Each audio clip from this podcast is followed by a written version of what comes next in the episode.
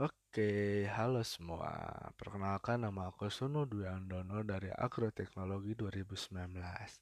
Sekarang aku mau ngebahas sesuatu yang berkaitan dengan bidang pertanian. Yang bakal kita bahas sekarang adalah salah satu bumbu rempah-rempah yang mungkin uh, dicari oleh penjajah dulu di Indonesia dan bumbu rempah itu adalah lada. Siapa sih yang nggak tahu lada sebenarnya? Di zaman sekarang, makanan sekarang banyak banget deh yang pakai lada sebagai penambah citra makan ataupun menambah rasa pedas itu. Ya walaupun lada tidak bisa sepedas cabai, tapi mungkin bisa tergantikan. Nah, lada itu pun punya nama latin, yaitu Piper nigrum. Nah, lada ini, pedas dari lada ini berasal dari senyawa piperin yang ada di dalamnya. Nah, lada juga merupakan salah satu jenis rempah yang paling penting di antara rempah lainnya loh.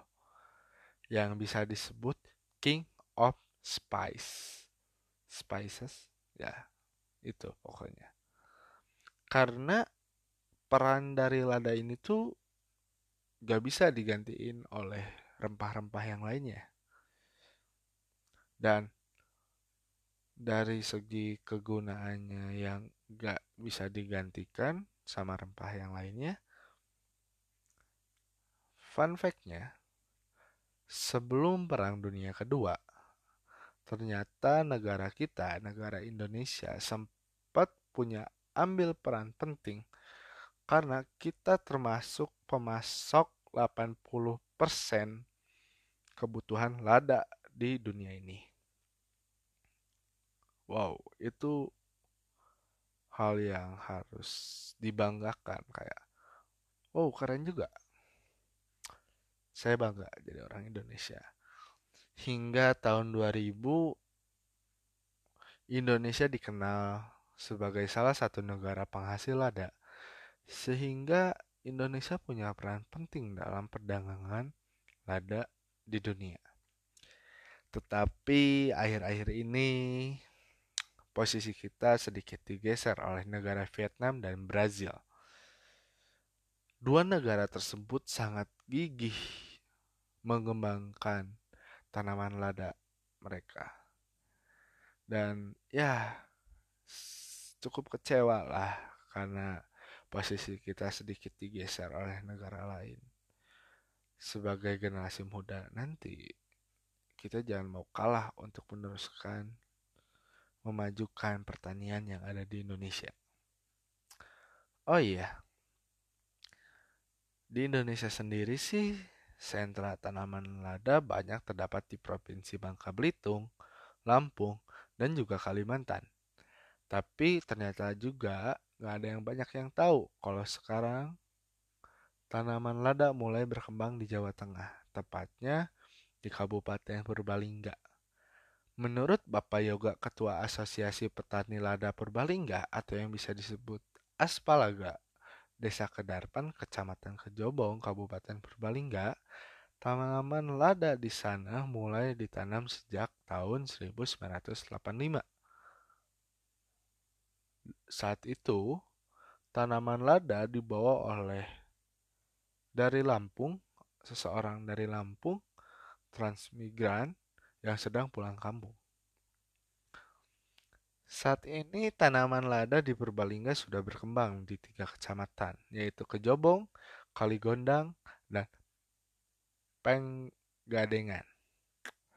Bahkan tanaman lada juga banyak terdapat di Kabupaten Banjarnegara dengan luas areal mencapai 450 hektar dengan produksi 652 ton per tahunnya. Itu bukan angka yang kecil.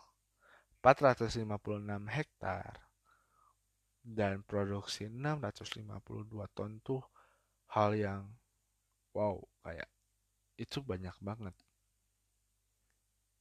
Dan itu keren. Nah, balik lagi nih ke daerah Jawa Tengah, lebih tepatnya Purbalingga. Ternyata produktivitas tanaman lada di sana masih rendah.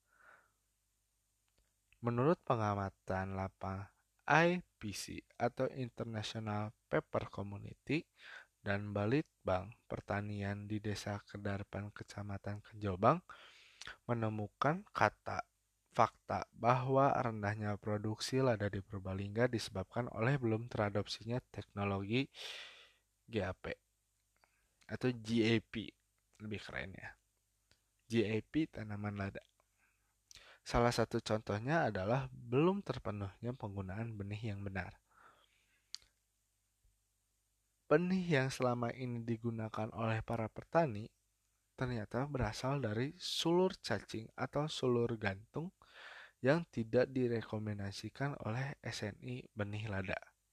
Loh, kenapa nggak kenapa ya bisa nggak direkomendasiin?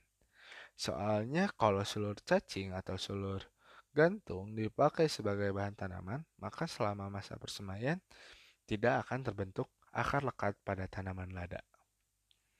Akar lekat akan tumbuh setelah tinggi tanaman mencapai 1 atau 1,5 meter, sehingga tanaman akan terlihat jingki. Selain itu juga, cabang buah juga akan terbentuk dalam jangka waktu yang lama. Para petani lada di lapang juga membiarkan sulur gantung dan sulur cacing tumbuh. Padahal dari sulur ini tidak akan tumbuh cabang buah, jadi kayak sayang juga ya. Karena itu untuk mengembangkan serta meningkatkan produktivitas tanaman lada di Purbalingga, Badan Litbang Pertanian bekerjasama dengan IPC untuk melakukan kegiatan secara langsung perbaikan mutu benih lada dengan membuat demplot produksi benih lada sesuai dengan GAP. Nah, gimana sih prosesnya? Pertama-tama, bahan tanaman lada diambil dari kebun induk lada KP Sukamulya. Lalu dilaksanakan juga demplot atau demo demonstration plot oleh kelompok tani lada Aspalaga kepada petani lada di sana dengan membuat persemaian sebanyak 5.000 polybag. Setelah itu, para penangkar juga melakukan persemaian dengan teknologi yang sama, yaitu dengan bahan tanaman lada sulur panjat yang diambil dari kebun lada sendiri. Dan hasilnya berbuat manis. Persemaian di kelompok tani aspalaga menunjukkan hasil bahwa 85% lada yang dibibitkan dapat tumbuh dengan baik. Hal ini ditandai dengan pertumbuhan tunas dan akar yang lekat. Hal yang lebih menariknya adalah persemaian ini di penangkaran keberhasilannya melebihi angka 95%.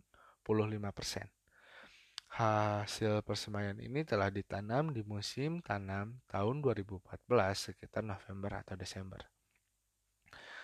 Transfer teknologi pembibitan ini nantinya diharapkan para petani atau penangkar agar tidak lagi memproduksi benih yang berasal dari sulur cacing ataupun sulur gantung, karena akan merugikan konsumen. Apalagi benih yang tidak sesuai dengan SNI diperjualbelikan atau menjadi bahan pengadaan pemerintah. Maka perlu kerjasama yang baik antara petani, penangkar, serta instansi yang terkait dengan pengawasan mutu benih. Nah, mungkin cukup segitu dari aku episode podcast ini ditutup atau cukup untuk hari ini semoga bermanfaat untuk kalian jadi see you. Dadah semuanya